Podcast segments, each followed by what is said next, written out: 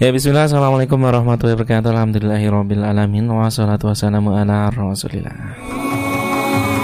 99.9 FM Radio Iskarima Sahabat Anda belajar Al-Quran Sahabat Anda di kesempatan sore kali ini ya. Masih ada saya Nur Said yang insya Allah akan menemani sahabat Quran semua. Insya Allah nanti sampai jam 5 ya Tentunya di program uh, Fikih ya Kajian Fikih Radio Iskarima yang mana sejak pekan kemarin ya kita sudah masuk di kitab baru ya di kitab Matan Abu Suja atau Al-Ghoyah Al-Ikhtisar atau juga Mukhtasar Abu Suja ya. Karya dari Al-Qadi Abu Suja ya. Ya, yang mana ini adalah sebuah kitab fikih yang banyak dipelajari di Indonesia ya, terutamanya karena uh, tentunya di Indonesia banyak yang uh, memilih untuk bermadhab Syafi'i. Jadi uh, sebagian besar mungkin sudah mempelajari kitab ini ya. Ya tentunya di edisi hari ini di hari Selasa di tanggal 11 ya. 16 16 November tahun 2021 ya. Atau yang juga bertepatan dengan tanggal 11 Rabiul Akhir 1443 Hijriah. Ya, eh, bagaimana kabarnya sahabat semua di kesempatan sore kali ini yang Masya Allah ya di sekitaran studio ya sedang hujan yang lumayan uh, lebat ya. ya, uh, di sore yang Masya Allah ya, kita tidak bisa ke mana-mana ya karena hujan. Ya bisa dimaksimalkan waktunya di rumah uh, sambil mendengarkan radionya ya bisa diputar untuk radio Skarima dan insya Allah di kesempatan kali ini kita akan uh, melanjutkan pembahasan kitab uh, Abu Suja ya Matan Abu Suja. Karenanya ya bisa disiapkan untuk alat tulisnya baik pulpen atau juga pensil dan buku tentunya catatan agar nanti bisa lebih khusyuk ketika mengikuti kajian yang insya Allah akan kita adakan hari ini. Ya dan tentunya sahabat kan sama saya tidak sendiri ya telah hadir narasumber kita yaitu Ustadz Wahyu LC yang mana beliau ada di hadapan Ana ya di tengah studio kami di kesempatan kali ini. Ya dan saudara mungkin kita sapa beliau terlebih dahulu. Assalamualaikum Ustaz. Waalaikumsalam warahmatullahi wabarakatuh. Kaifa halak Ustaz? Alhamdulillah rabbil alamin. Alhamdulillah baik ya. ya dan Ustaz, insya Allah di kesempatan kali ini kan kita mungkin sudah masuk ke tema atau masih di mukadimah Ustaz? Ya, insya Allah kita hmm. masuk ke tema. Yeah. Kita bahas sekilas tentang mm -hmm. mukadimah karena di sini beliau juga menyebutkan uh, uh, uh. tentang mukadimah. Insya Allah setelahnya kita akan masuk ke tema ini. Hmm, Oke, okay, ya. masya Allah. Ya, uh, Masya Allah, jadi kita ke mukotimahnya. mukotimah di kitab ya tadi ya. ya mukotimah kitab. ya, Masya Allah, jazakumullah. Insya Allah, saat kita masuk di kitabnya, di bab halaman pertama mungkin ya tadi di mukotimah.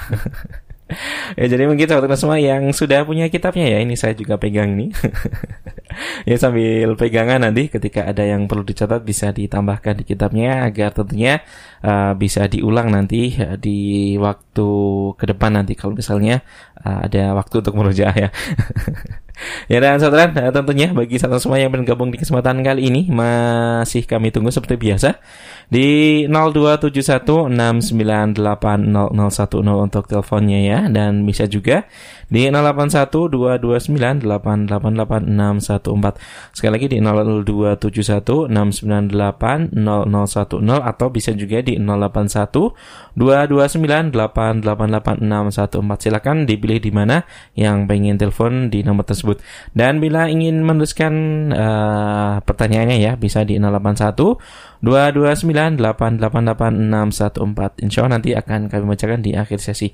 Atau mungkin juga yang pengen gabung di live streaming kami Saat ini kami tengah live di Youtube Dan juga di Facebook ya Bisa dipilih salah satu. Uh, Monggo nanti bisa dituliskan juga untuk pertanyaannya. Dan tentunya uh, bisa bervariasi ya Monggo. Silakan yang pengen bertanya Insya Allah seputar fikih tentunya uh, Namun bila ingin tanya di luar tema juga Atau juga di luar fikih Kami persilakan Insya Allah nanti uh, kami jawab uh, sebisanya seperti itu. Dan saat untuk menghemat waktu mungkin karena sudah di jam 4 14 nih saat. kami silakan saat monggo tafadhol. Jazakumullah khairan katsiran. Bismillahirrahmanirrahim. Alhamdulillah rabbil alamin. Thumma salatu wassalamu ala asyrafil anbiya wal mursalin.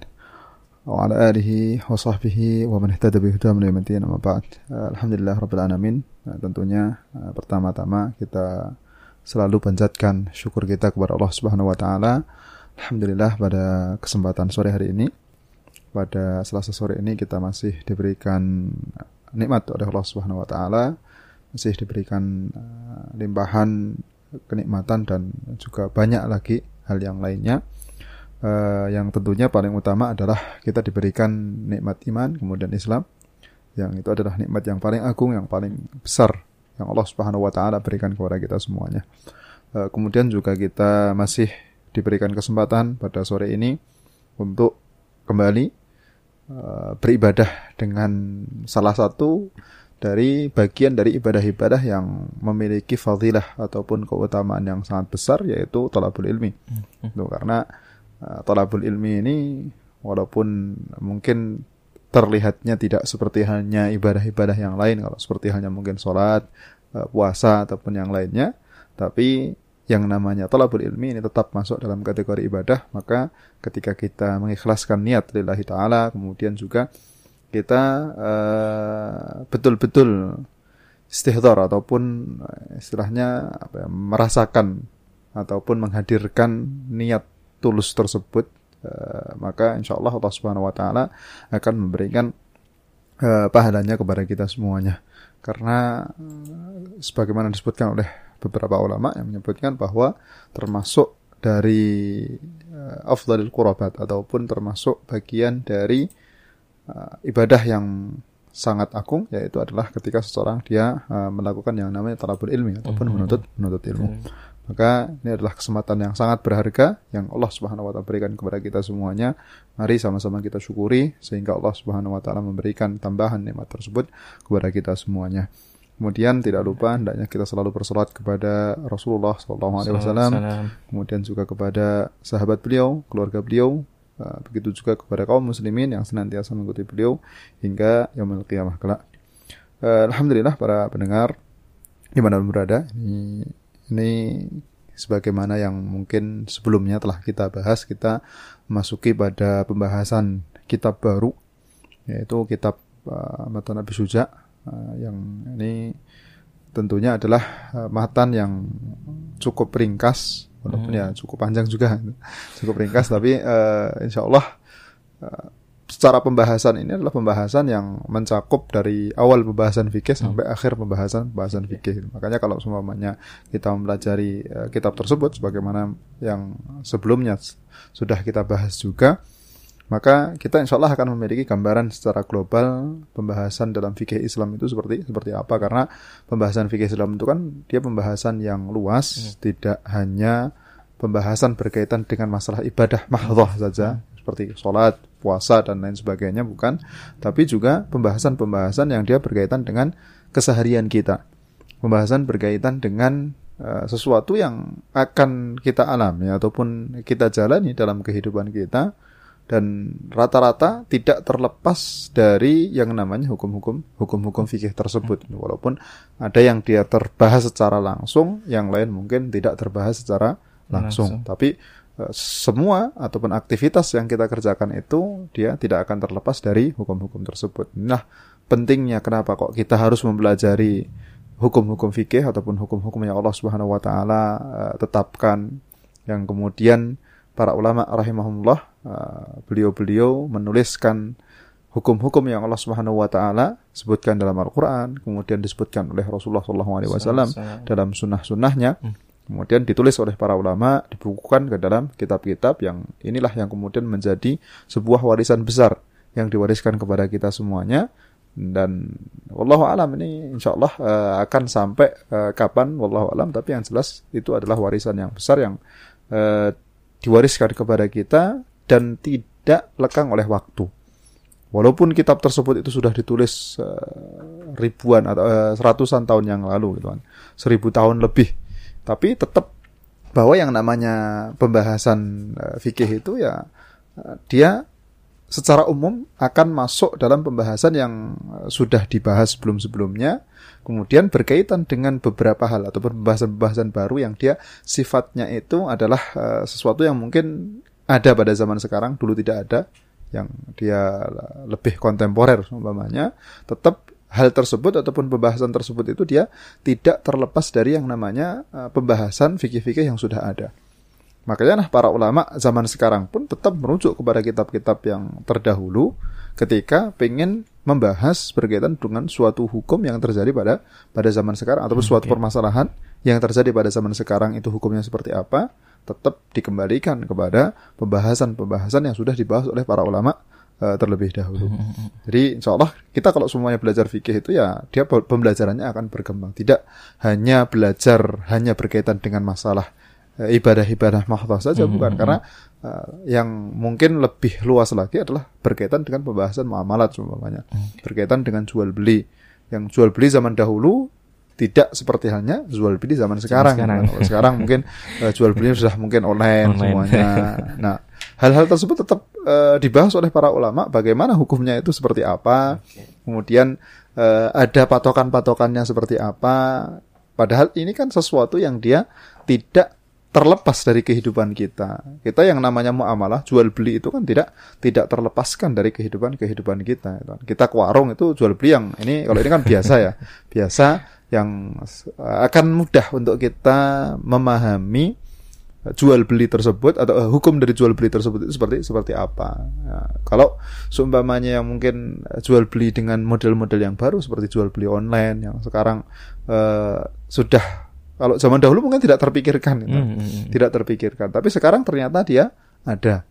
Kemudian beberapa beberapa hal yang lain yang mungkin berkaitan dengan ibadah itu pada zaman-zaman sekarang juga mungkin ada yang zaman dahulu mungkin tidak ter, tidak terfikirkan itu kan orang naik pesawat bagaimana sholatnya kemudian puasanya nah kalau ini kan berkaitan dengan ibadah mahdoh yang tetap akan ada perkembangannya tapi tidak sebagaimana perkembangan berkaitan dengan masalah muamalat yang dia perkembangannya e, jauh istilahnya e, berbeda sekali dengan muamalat-muamalat yang mungkin ada pada zaman dahulu. Nah ini semua sudah dibahas oleh para ulama ya, di kitab-kitab mereka. Maka semakin uh, maju zaman pembelajaran yang berkaitan dengan fikih tersebut itu dia tidak uh, bukan berarti kemudian oh ini sudah kada luar sah tidak bisa dipakai. Bukan. Itu tetap uh, pembahasan tersebut dia akan berkembang mengikuti mengikuti zaman juga. Kenapa? Karena yang namanya sesuatu itu pasti ada hukumnya.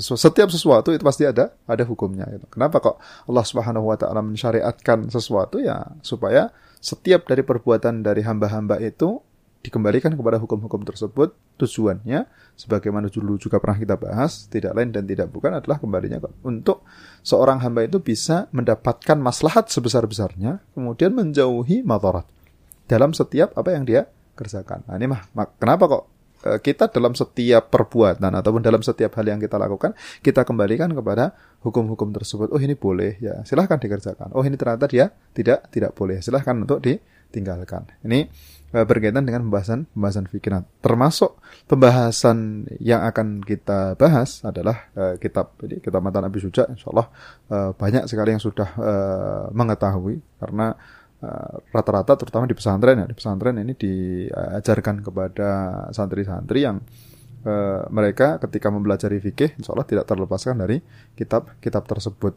Makanya uh, ketika seseorang dia membahas kitab ini dari awal kemudian sampai terakhir, ya akan tadi menjadi memiliki sebuah pengetahuan hmm. yang uh, global minimalnya itu minimalnya adalah secara global berkaitan dengan masalah hukum-hukum hukum-hukum fikih hukum-hukum dalam Islam itu seperti seperti apa itu. kalau semuanya ntar bisa naik ke kitab yang selanjutnya terus terus terus sampai uh, mungkin kepada kitab yang terbesarnya kemudian dia uh, me, istilahnya menambah literasi kepada kitab-kitab yang lainnya nah barulah kemudian dia bisa uh, memahami hal-hal ataupun hukum-hukum fikih yang secara menyeluruh berkaitan dengan uh, kitab uh, berkaitan dengan hukum-hukum fikih yang yang ada itu memahami uh, secara lebih terperinci berkaitan dengan setiap permasalahan-permasalahan yang ada.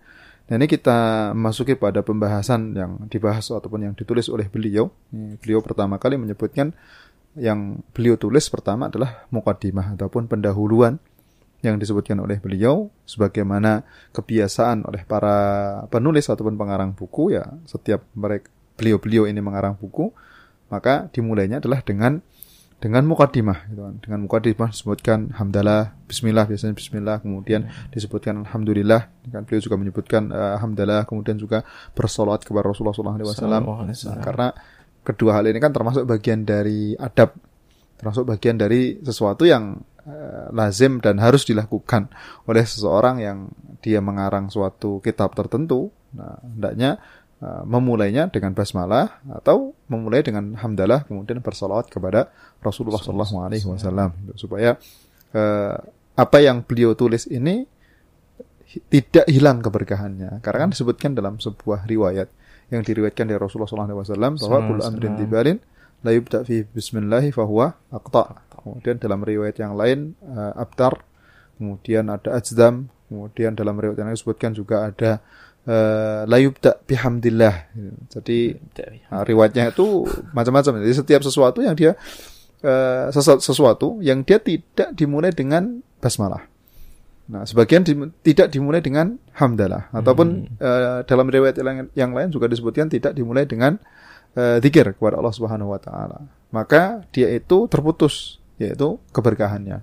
Jadi keberkahan dari uh, kitab tersebut terputus ataupun sesuatu yang tertulis tersebut dia terputus. Maka uh, maka dari situ ketika seseorang dia pengen mengarang sesuatu ya hendaknya memulainya adalah dengan Bismillah, Bismillah, kemudian Alhamdulillah, kemudian bersolat kepada Rasulullah Shallallahu Alaihi Wasallam. Dan berkaitan dengan kitab ini, kitab yang akan kita bahas ini kan, dia adalah kitab yang, masya Allah, secara keberkahannya itu Allah Subhanahu Wa Taala menjadikan kitab ini adalah kitab yang eh, betul-betul uh, diberkahi. Makanya tidak ada seorang talibul ilmi atau seorang penuntut ilmu yang dia itu mempelajari fikih syafi'i, pasti mm -hmm. dia akan belajar kitab ini. pasti akan belajar kitab kitab ini. Makinlah keberkahan yang Allah Subhanahu wa taala berikan kepada beliau Syekh Abu Suja ini. Mm -hmm. uh, yang ini keutamaan yang Allah berikan kepada beliau dan ya Allah memberikan keutamaan ini kepada siapa yang uh, dia kehendaki. Nah, makanya ini akan kembali pahalanya kepada kepada pengarang buku, kepada okay. uh, beliau mualif itu. Berapa juta ataupun ya, sudah bukan berapa juta lagi kalau semuanya dari sejak kurun beliau beliau ini kan uh, ulama yang hidup di kurun ke uh, kurun ke enam gitu kan tahun enam uh, tahun uh, beliau meninggalkan sekitar lima ratus sembilan puluhan ya hijriah itu yang uh, disebutkan beberapa ulama sampai zaman sekarang. Sudah berapa ratus tahun, kan. berapa ratus tahun kitab ini dimanfaatkan dari sejak beliau masih hidup sampai kemudian beliau meninggal, kemudian sampai pada zaman sekarang dimanfaatkan oleh berapa juta bahkan mungkin berapa miliar orang yang memanfaatkan kitab tersebut dan dari wasilah kitab ini Allah Subhanahu wa taala mengeluarkan para ulama. Dari wasilah kitab ini Allah Subhanahu wa taala memunculkan para ulama-ulama eh, terutamanya dan khususnya adalah dalam uh, madhab syafi'i sendiri. Nah ini semuanya tentunya kembali kebaikannya ataupun pahalanya Allah Subhanahu wa taala memberikan kepada mualif. Memberikan kepada beliau pengarang buku Syahabus Suza Masya Allah maka kitab ini adalah kitab yang uh, sangat diberkahi oleh Allah Subhanahu Wa Taala maka kita bisa mengambil manfaat yang besar dari kitab yang akan kita bahas pada uh, kesempatan kali ini dan kesempatan-kesempatan yang akan datang Insya Allah. Uh, pertama beliau disebutkan uh, beliau menyebutkan di sini kan Qala uh, al-Qadhi Abu Syuja ini berkatalah uh, al-Qadhi Abu Syuja yaitu namanya Ahmad bin Hasan atau Ahmad bin Husain kemudian Al Asbahani rahimahullah taala, nah beliau menyebutkan bahwa pertama dalam mukaddimah ini beliau menyebutkan sebab kenapa beliau mengarang kitab ini. Sebab kenapa beliau mengarang mengarang kitab ini. Nah, e, disebutkan bahwa beliau ini mengarang kitab ini itu karena diminta diminta oleh teman-teman beliau. Nah, teman-teman beliau meminta kepada beliau supaya beliau membuatkan ataupun menuliskan sebuah uh, kitab yang dia itu ringkas. Nah, kitab yang ringkas terkhusus dalam uh, madhab madhab syafi'i. Maka beliau kan menyebutkan di sini kan uh, beliau sa'alani ba'd al-asdiqa hafizahumullah taala an amal mukhtasaran fil fiqh. Jadi jadi mereka pada meminta kepada beliau untuk membuat ataupun mengarang sebuah uh, karangan kitab kecil yang dia ringkas berkaitan dengan madhab madhab syafi'i. Nah, sebab dari seorang pengarang-pengarang buku itu kan salah satunya ini. Hmm. Karena ada permintaan. Sebagian lagi ada yang mungkin uh, melihatnya adalah karena orang-orang oh orang-orang ketika mengamati hmm, hmm, orang-orang di sekitar di sekitar uh, pengarang semua di sekitar beliau melihat orang-orang ini mereka membutuhkan untuk dijelaskan oh mereka kok di, mereka kok tidak paham nih hmm, hmm, hmm.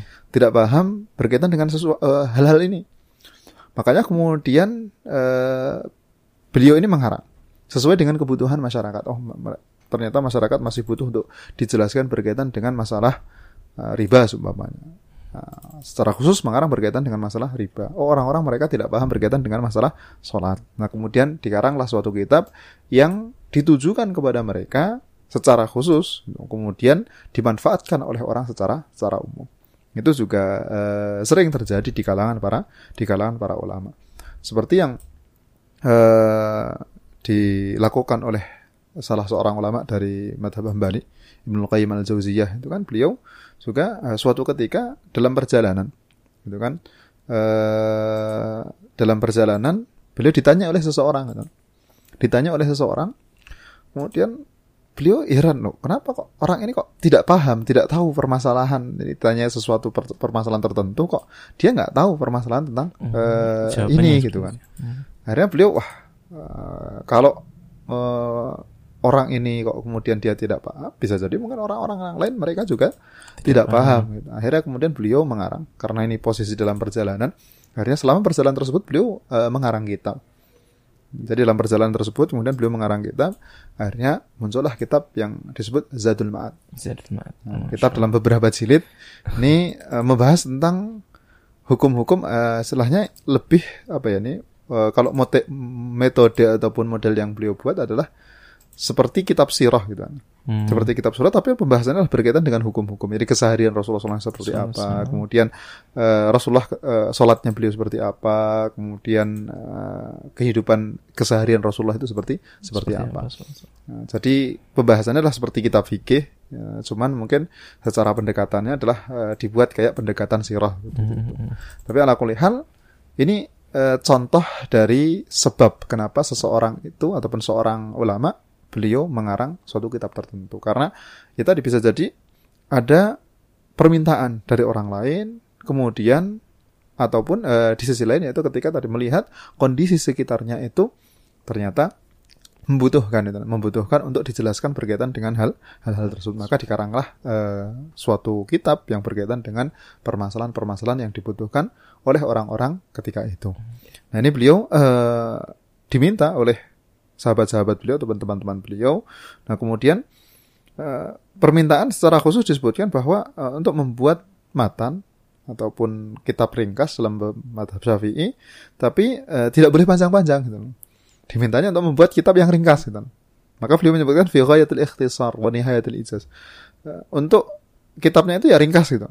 Ringkas, tapi walaupun kitab tersebut itu ringkas, diminta untuk diperbanyak pencabang jadi uh, pencabangannya. Mm-hmm. Walaupun dia ringkas, uh, kemudian disebutkan uh, pasal-pasalnya, kemudian pembahasan-pembahasannya juga uh, menyeluruh, mencakup kepada banyak hal. Jadi walaupun kitab ini ringkas, tapi secara pembahasan pembahasannya pun banyak. banyak. Makanya kemarin kita sebutkan bahwa pembahasan dari kitab ini kan dari awal kitab fikih ataupun pembahasan dari toharah kemudian sampai pembahasan terakhir yang yaitu kitab pembebasan budak walaupun yang sekarang ini sudah uh, tidak ada tapi ya tetap kita uh, hendaknya mempelajari berkaitan dengan hukum-hukum hukum-hukum tersebut ini dari sejak awal dari kitab toharah sampai ntar kitab kitabul idki. Nah ini kemudian beliau menyebutkan bahwa tujuan uh, dari beliau mengarang kitab ini adalah untuk memudahkan bagi orang-orang yang dia ingin mempelajari fikih hmm. secara khusus berkaitan dengan fikih madhab syafi'i e, kalau pengen mempelajari nah bisa mempelajari melalui kitab yang ringkas ini hmm. karena kan kalau banyak kita mempelajari suatu kitab terus kitabnya itu dengan uh, jilitan tebal terus uh, mungkin halamannya itu 500 halaman gitu kan wah mau melihatnya nih selesai atau enggak gitu kan tapi kalau banyak ternyata itu kitabnya ringkas terus hmm. mungkin cuman ada uh, berapa halaman seumpamanya. Kayak uh, sebelumnya yang kita bahas itu kan matan Safina. Mm-hmm. Matan Safina yang dia uh, kalau kita lihat matanya saja kan cuman beberapa beberapa halaman saja gitu. Nah. Nggak banyak gitu. Nggak banyak. Terus uh, ketika pengen mempelajari fikih secara utuh dari awal bab sampai akhir bab, kemudian melihat yang dia pelajari adalah cuman mungkin uh, kitab kecil kitab kecil bukan kitab besar, gitu kan. Kitab besar mungkin kalau halamannya sampai uh, 100 lebih mungkin kan juga akan menjadi sesuatu yang besar itu. Cuma kan kitab ini kan kitab kecil itu. Kitab kecil. Kemudian uh, halamannya mungkin ada sekitar 200 umpamanya. Hmm. Ataupun 250 umpamanya. Ini kan juga akhirnya orang yang pengen memulai untuk mempelajari hal tersebut lebih bersemangat karena wah ini nggak banyak nih insya Allah ntar bisa saya selesaikan gitu. makanya uh, beliau tujuan dari mengarang kitab ini adalah ditujukan kepada para talabatul ilm, para penuntut-penuntut ilmu yang e, baru istilahnya baru memulai belajar, kan? Baru memulai belajar, mempelajari madhab Syafi'i, e, kemudian bisa melalui kitab yang dikarang oleh oleh beliau tersebut. Kemudian juga beliau menyebutkan bahwa kitab ini juga mudah untuk dihafal. Kalau umpamanya ada yang pengen menghafal uh, matan fikih umpamanya, nanti kan bisa melalui kitab ini. Maka beliau menyebutkan ya suruh al mubtadi hifdzuhu bagi hmm. para talibul ilmu tadi. Jadi talibul ilmu itu penuntut ilmu itu ada tiga ya, pembagiannya itu. Ada satu orang yang dia mubtadi, mubtadi ataupun baru tingkatan awal ini ya. Hmm. Tingkatan awal ini uh, seperti yang kalau umpamanya dia ketika membaca gitu kan baca suatu kitab matan tertentu kemudian dia belum bisa membuat menggambarkan permasalahan tersebut itu seperti apa. Jadi menggambarkan permasalahan tersebut itu seperti seperti apa ketika membaca wah eh, ini gimana gambarannya dalam praktek eh, prakteknya itu seperti seperti apa. Hmm. ini belum bisa belum bisa. Maka itulah yang disebut sebagai seorang mubtadi. Karena memang sebelumnya mungkin belum belum pernah belajar atau pernah belajar tapi masih minim Hmm. Pembelajaran yang dia terima masih masih minim. Nah, akhirnya uh, dia butuh ada seseorang yang dia membimbing orang tersebut supaya ntar dia bisa bisa mempelajari apa yang uh, dia baca tersebut dengan baik. Kan. Maka uh, ini disebut sebagai seorang talibul ilmi ataupun penuntut ilmu yang dia setelahnya untuk uh, tingkatannya adalah tingkatan pemula. Maka disebut sebagai seorang dalam bahasa Arab kan disebut sebagai mubtadi. Nah, kemudian tingkatan yang selanjutnya adalah mutawassit ataupun pertengahan. Ini penuntut ilmu yang dia sudah pernah sudah pernah belajar. Nah, di sini keti, uh, pertengahan itu uh, disebutkan oleh para ulama yaitu mereka yang dia sudah uh, pernah belajar gitu kan. Sudah pernah belajar tentang fikih. Kemudian ketika membaca, oh bisa menggambarkan permasalahan tersebut itu seperti seperti apa. Ketika membaca uh, berkaitan dengan ketika semuanya tayamum ya seumpamanya. Tayamum orang yang dia tayamum karena tidak ada air, kemudian dia mengerjakan sholat, umpamanya mengerjakan sholat. Uh, terus uh, sholat ini dia kapan umpamanya harus dikodok, itu kan? Uh, kapan sholat tersebut harus dibatalkan? Maknanya dia harus wudhu uh, ketika ternyata ada air dan uh, kapan tidak, itu kan? Hmm. Ataupun uh, termasuk pembatal-pembatal tayamum adalah kalau umpamanya dia mengira ada air, nah, itu kondisinya seperti apa saja. Jadi menggambarkan dalam tataran praktek itu dia bisa. Nah ini kan berarti dia tingkatannya sudah lebih tinggi daripada yang pertama. Tingkatan yang dia, tingkatan kedua yang disebut sebagai pertengahan. Penuntut ilmu yang dia posisinya adalah pertengahan. Ya. Tapi ketika seumpamanya disebutkan suatu dalil tertentu ataupun mungkin sebab kenapa kok seperti ini, dia tidak bisa uh, istilahnya kalau mau uh, menolak ataupun menyanggah ya, menyanggah uh, dalil yang disebutkan oleh pengarang buku tersebut belum bisa, hmm. kan? belum bisa. Uh, ya karena baru masih bisa menggambarkan sebuah permasalahan. Oh, permasalahan ini itu gambarannya seperti ini. Dalam praktekannya itu seperti seperti, seperti ini. ini. Nah, ini yang uh, dia pertengahan. Kemudian yang tingkatan yang terakhir yaitu yang ketiga adalah yang disebut sebagai muntahi hmm. ataupun istilahnya tingkatan yang paling tinggi. Tingkatan yang paling yang paling tinggi ini uh, yang dia mengetahui gambaran secara global. Jadi pembahasan-pembahasan fikih secara umum itu dia mengetahui hmm. mengetahuinya dan tidak disyaratkan harus mengetahui seluruhnya karena tidak ada kalau sumpahnya orang yang dia mengetahui seluruh pembahasan fikih itu uh, oh. tidak ada gitu karena mustahil untuk bisa uh, menguasai seluruh pembahasan pembahasan fikih sebesar ataupun sebanyak apa pun ilmu yang dimiliki tetap uh, Allah Subhanahu wa taala mentakdirkan bahwa uh, tidak ada orang yang dia itu sempurna kemudian bisa menguasai seluruh pembahasan dalam pembahasan dalam fikih gitu. Maka uh, ini disebutkan oleh para ulama yaitu yang menguasai secara istilahnya lebih banyak. Kalau semuanya mungkin di persenan mungkin bisa mungkin 90% ataupun 95%. Hmm. Ya, dari pembahasan fikih dia kuasai, kemudian ketika ada seorang yang dia mengutarakan suatu pendapat, kemudian di, di sini dia bisa bisa menyanggah pendapat tersebut gitu kan. Kalau semuanya ternyata tidak sesuai gitu kan. Bisa bisa disangka. Nah ini tingkatan yang tingkatan yang ketiga. Uh, kemudian masih ada tingkatan-tingkatan yang lain. Ini kan uh, ting baru tingkatan para penuntut ilmu. Dan baru tingkatan penuntut penuntut ilmu. Masih kemudian uh, ada tingkatan tingkatan para uh, fukoha ataupun hmm. tingkatan di kalangan ahli fikih itu uh, ada tingkatan-tingkatan tertentu sampai ya ntar seorang yang ketika dia menjadi seorang mufti kemudian seorang yang dia menjadi seorang qadhi Nah, itu kan memiliki eh, tingkatan-tingkatan dan standar-standar yang dia tentunya tidak sama gitu kan, tidak sama dengan yang sebelum-sebelumnya. Nah, maka tujuan yang uh, ketika beliau menyebutkan ini kan tujuan minum dulu ya. tujuan dari dikarangnya kitab ini itu kan uh, tujuannya adalah untuk bagi mereka yang baru di awal. Hmm, baru di awal. Jadi walaupun secara pembahasan itu dia sudah menyeluruh ya, menyeluruh dari awal sampai terakhir, tetap uh, segmennya ataupun tujuannya adalah diberikan kepada yang mereka di di awal. Nah kemudian uh, kemudian uh, beliau memulai untuk mengarang kitab tersebut dan meminta pertolongan kepada Allah Subhanahu Wa Taala ya supaya kemudian diberikan kemudahan, supaya diberikan kemudahan dalam mengarang kitab ini yang ya karena kita manusia tidak tidak bisa melakukan sesuatu ya kecuali atas pertolongan dari Allah Subhanahu wa taala. Gitu kan. Makanya eh, kita eh, dalam setiap hal bagaimana kita menghadirkan bahwa setiap apa yang kita kerjakan itu bukan murni dari usaha kita. Hmm, gitu. Bukan murni dari usaha-usaha kita. Tapi semuanya adalah taufik dari Allah Subhanahu wa taala dan Allah Subhanahu wa taala yang memudahkan jalan kita. Ini kita tinggal selain melakukan kewajiban bagi kita itu kan kita uh, diminta sebagai seorang hamba itu kan ya untuk berusaha kemudian berkaitan dengan hasil kita kembalikan kepada Allah Subhanahu Subhanahu wa taala.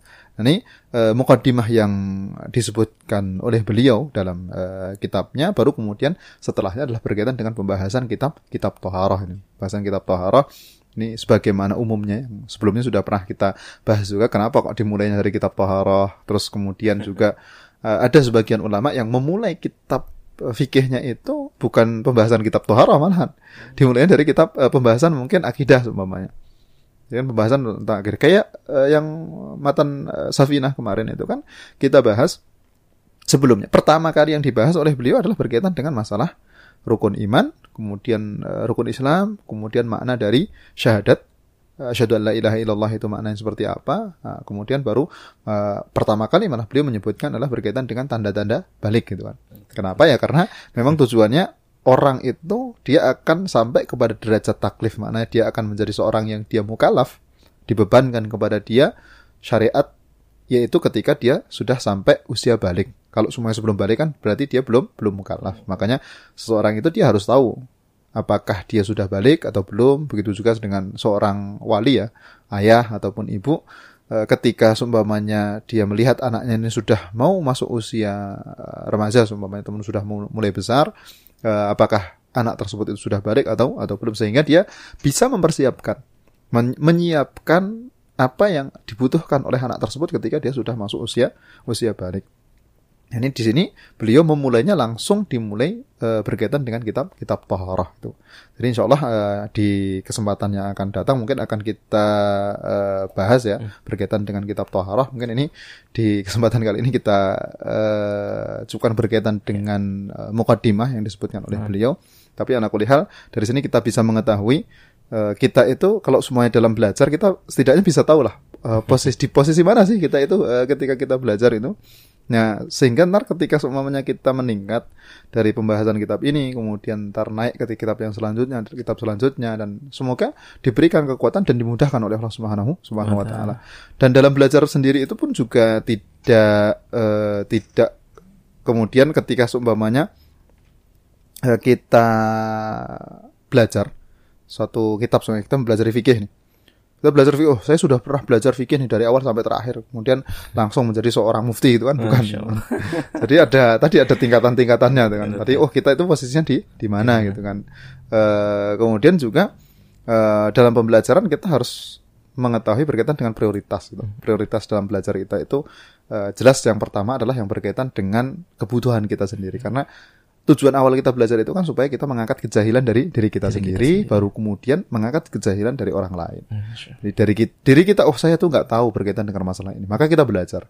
Dengan kita belajar kita mengetahui akhirnya pengamalan ataupun amalan yang kita kerjakan itu sesuai dengan apa yang diinginkan oleh Allah Subhanahu wa taala dan rasulnya.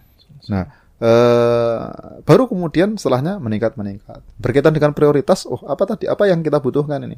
Saya tidak tahu ini berkaitan dengan tata cara sholat ya. Berarti kan kita wajib untuk mempelajari hukum-hukum ataupun hal-hal yang berkaitan dengan tata cara sholat. Gitu. Cuman kadang, kadang di sebagian di sebagian tempat itu, ketika mempelajari ini, belajar udah kita belajar belajar apa usul fikih umpamanya. Hmm. Ya, belajar usul fikih, padahal belajar usul fikih tapi dengan bahasa Indonesia. Nah, ini kan kadang eh, pertama prioritasnya juga tidak tidak sesuai dengan prioritas gitu kan. Eh, karena ada banyak hal yang mungkin lebih kita butuhkan. Hmm. Kalau semuanya kita posisinya adalah sebagai bukan sebagai seorang talibul ilmi yang uh, menekuni dalam bidang uh, ulum syariah umpamanya, ya kita kebutuhan kita akan pembahasan usul fikih itu lebih sedikit gitu kan. Lebih lebih sedikit ya. Karena kebutuhan kita akan lebih banyak berkaitan dengan hukum-hukum fikih secara uh, umum ataupun mungkin secara khusus berkaitan dengan kita itu lebih lebih banyak gitu kan. Nah, makanya kadang ada yang uh, ada yang bertanya nih, set, uh, ntar kalau semuanya ngisi mungkin isinya ataupun uh, ada yang uh, pengen untuk buka daras itu, buka pembelajaran itu, taklim pembelajarannya adalah pembelajaran uh, usul fikih semuanya. Kadang kan, loh, usul fikih, usul fikih itu kan pembahasannya adalah cara uh, alat yang digunakan oleh para fuqaha, oleh para ulama ketika beliau-beliau ini mau mengambil sebuah hukum gitu. Mau, mengisti, mau istimbat, mengambil sebuah hukum dari nas tertentu dari Al-Qur'an, kemudian dari sunnah. Untuk mengambilnya itu eh, dengan usul fikih tersebut. Makanya syaratnya ya jelas adalah ketika mempelajari usul fikih ya pembelajarannya adalah pembelajaran dengan bahasa Arab gitu.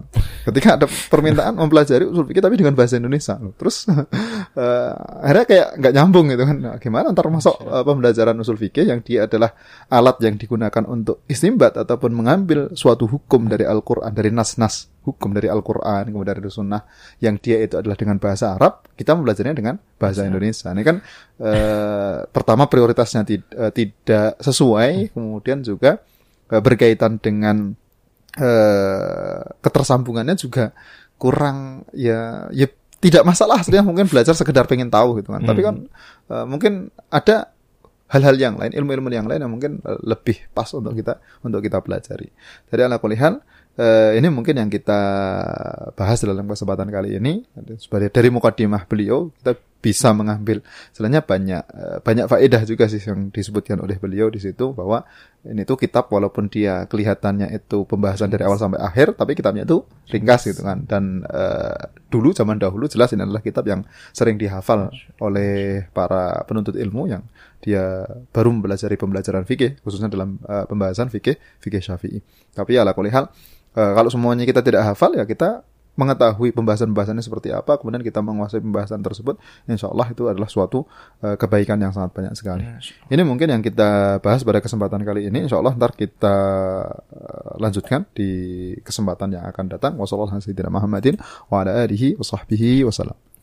Ya, Masya Allah, jazakumullah Ustaz atas uh, pencerahannya Ustaz. Dan sekali lagi kembali guys ya untuk menuntut ilmu itu bertahap ya Ustaz ya. Tidak bisa langsung dari bawah tiba-tiba meloncat sampai ke atas nanti akan ada kebingungan yang terjadi di situ ya.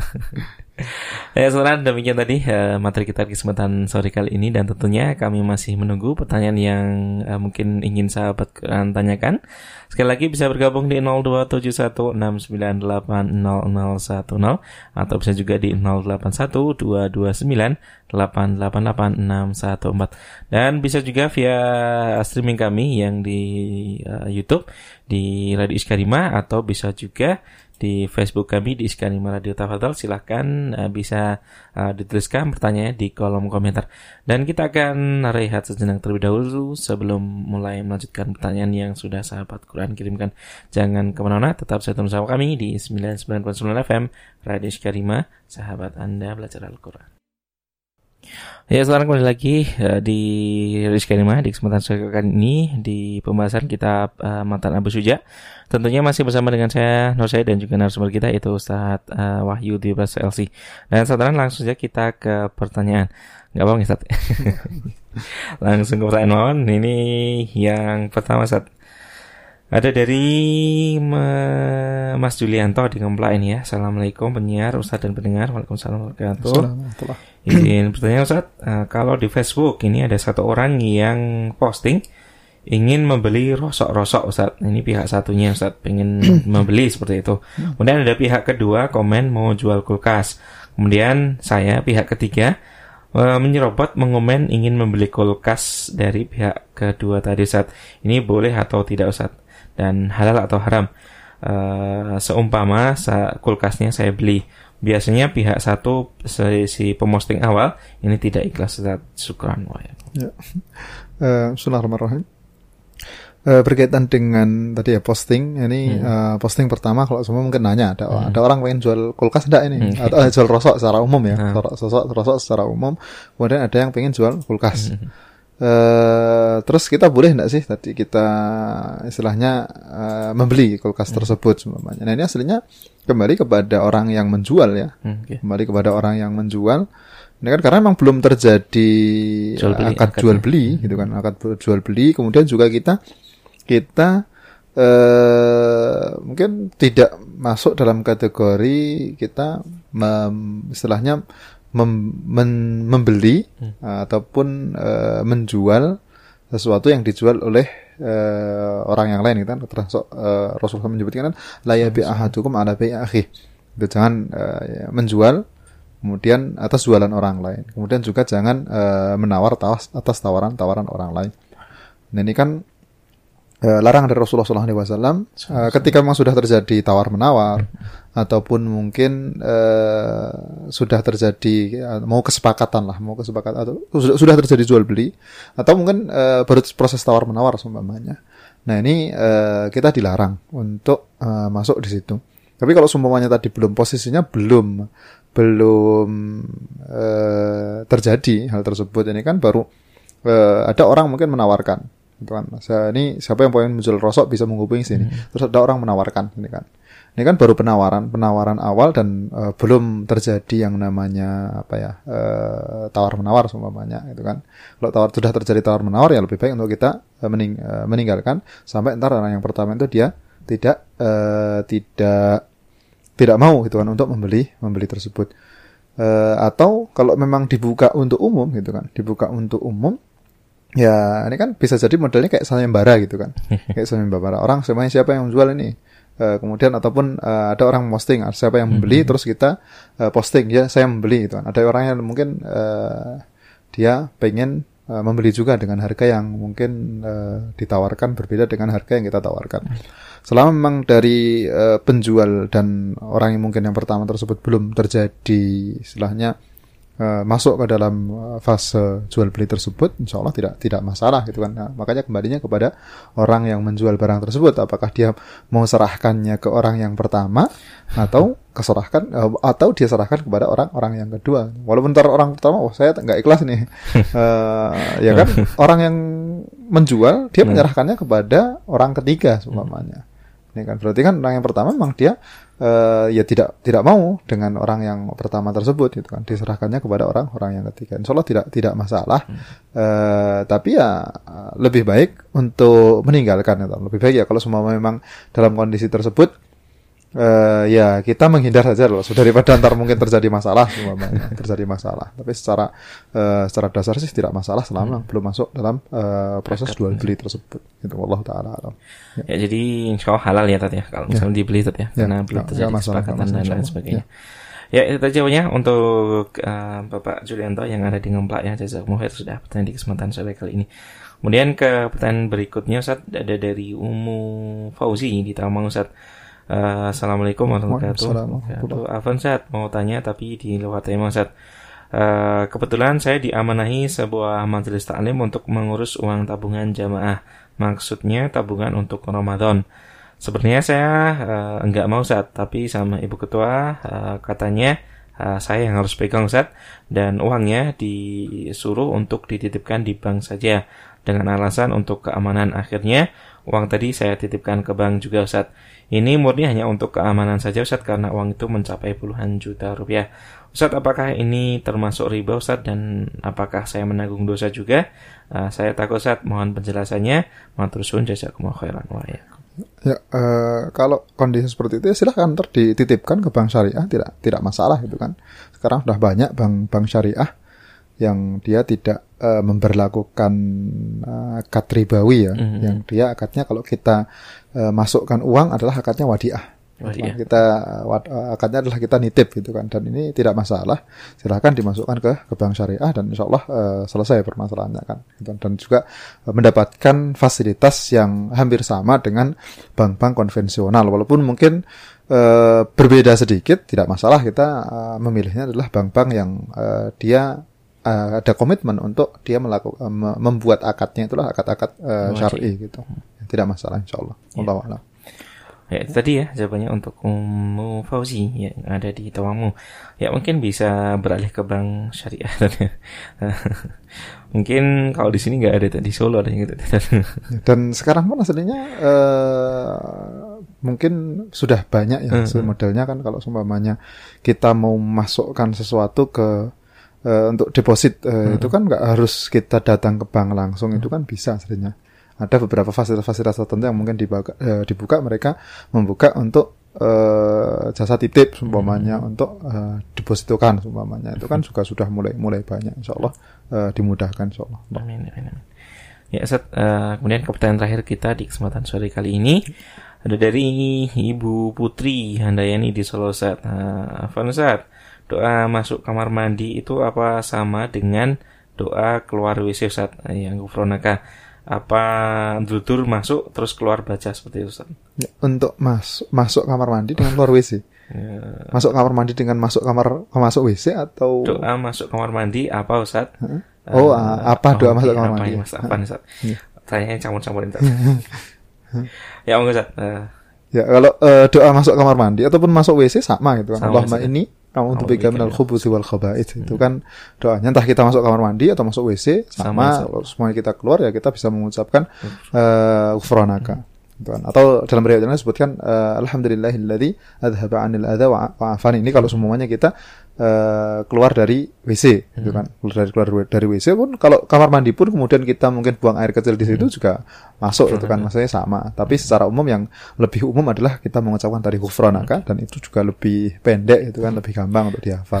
Jadi insya Allah uh, doanya sama, tidak ada perbedaan untuk kamar mandi ataupun WC hmm. yang berbeda antara doa masuk dengan doa keluar. Doa masuk ini kemudian doa keluarnya ini gitu kan. Ya, Allah Allah. Ya, jangan dibalik ya. ya dan uh, kebanyakan kamar mandi sekarang kan juga sudah jadi satu sama toilet ya. Ya, ya sering seringnya sih sama ya. ya saat jasa akhir saat atas jawabannya dan materinya di kesempatan uh, kali ini uh, sekali lagi semoga uh, antum diberi panjang umur agar uh, bisa senantiasa atau jika sampai selesai untuk pembahasan kitab ini Ustaz. Karena saya lihat di terjemahan ini sampai 200-an halaman lebih Ustaz. Jadi yang kitab Safinah saja yang segitu butuh satu hampir dua tahun setiap ya. satu tahun sembilan bulan lah. Masya Allah ini mungkin akan butuh waktu yang lebih lama Ustaz. Dimudahkan oleh Allah. Amin amin amin amin. Masya Allah dan uh, saudara uh, kita harus cukupkan dulu perjumpaan kita di kesempatan kali ini. Sekali lagi kami ucapkan jazakumullah untuk penanya yang sudah bergabung di kesempatan kali ini dan untuk sahabat Quran semua yang menyimak dari awal sampai akhir tadi. Dan uh, mohon maaf bila banyak salah dan kata. Uh, akhirnya saya nusakan petugas mewakili segenap kru Radio Skelima dan juga Ustadz Wahyu di Pastor LC. Pamit undur diri dari ruang dengar sahabat Quran semua. Dan insya Allah di Selasa pekan depan masih ada ya di jam 4 uh, eh, seperti biasa sampai dengan selesai. Tentunya hanya di 99.9 FM Radio Skelima sahabat Anda belajar Al-Quran. Kita tutup dengan hamdalah dan doa kafaratul majelis. Alhamdulillahirrahmanirrahim. Subhanakallahumma wa bihamdika. Asyhadu alla ilaha illa anta astaghfiruka wa atubu. Wassalamualaikum warahmatullahi uh, wabarakatuh.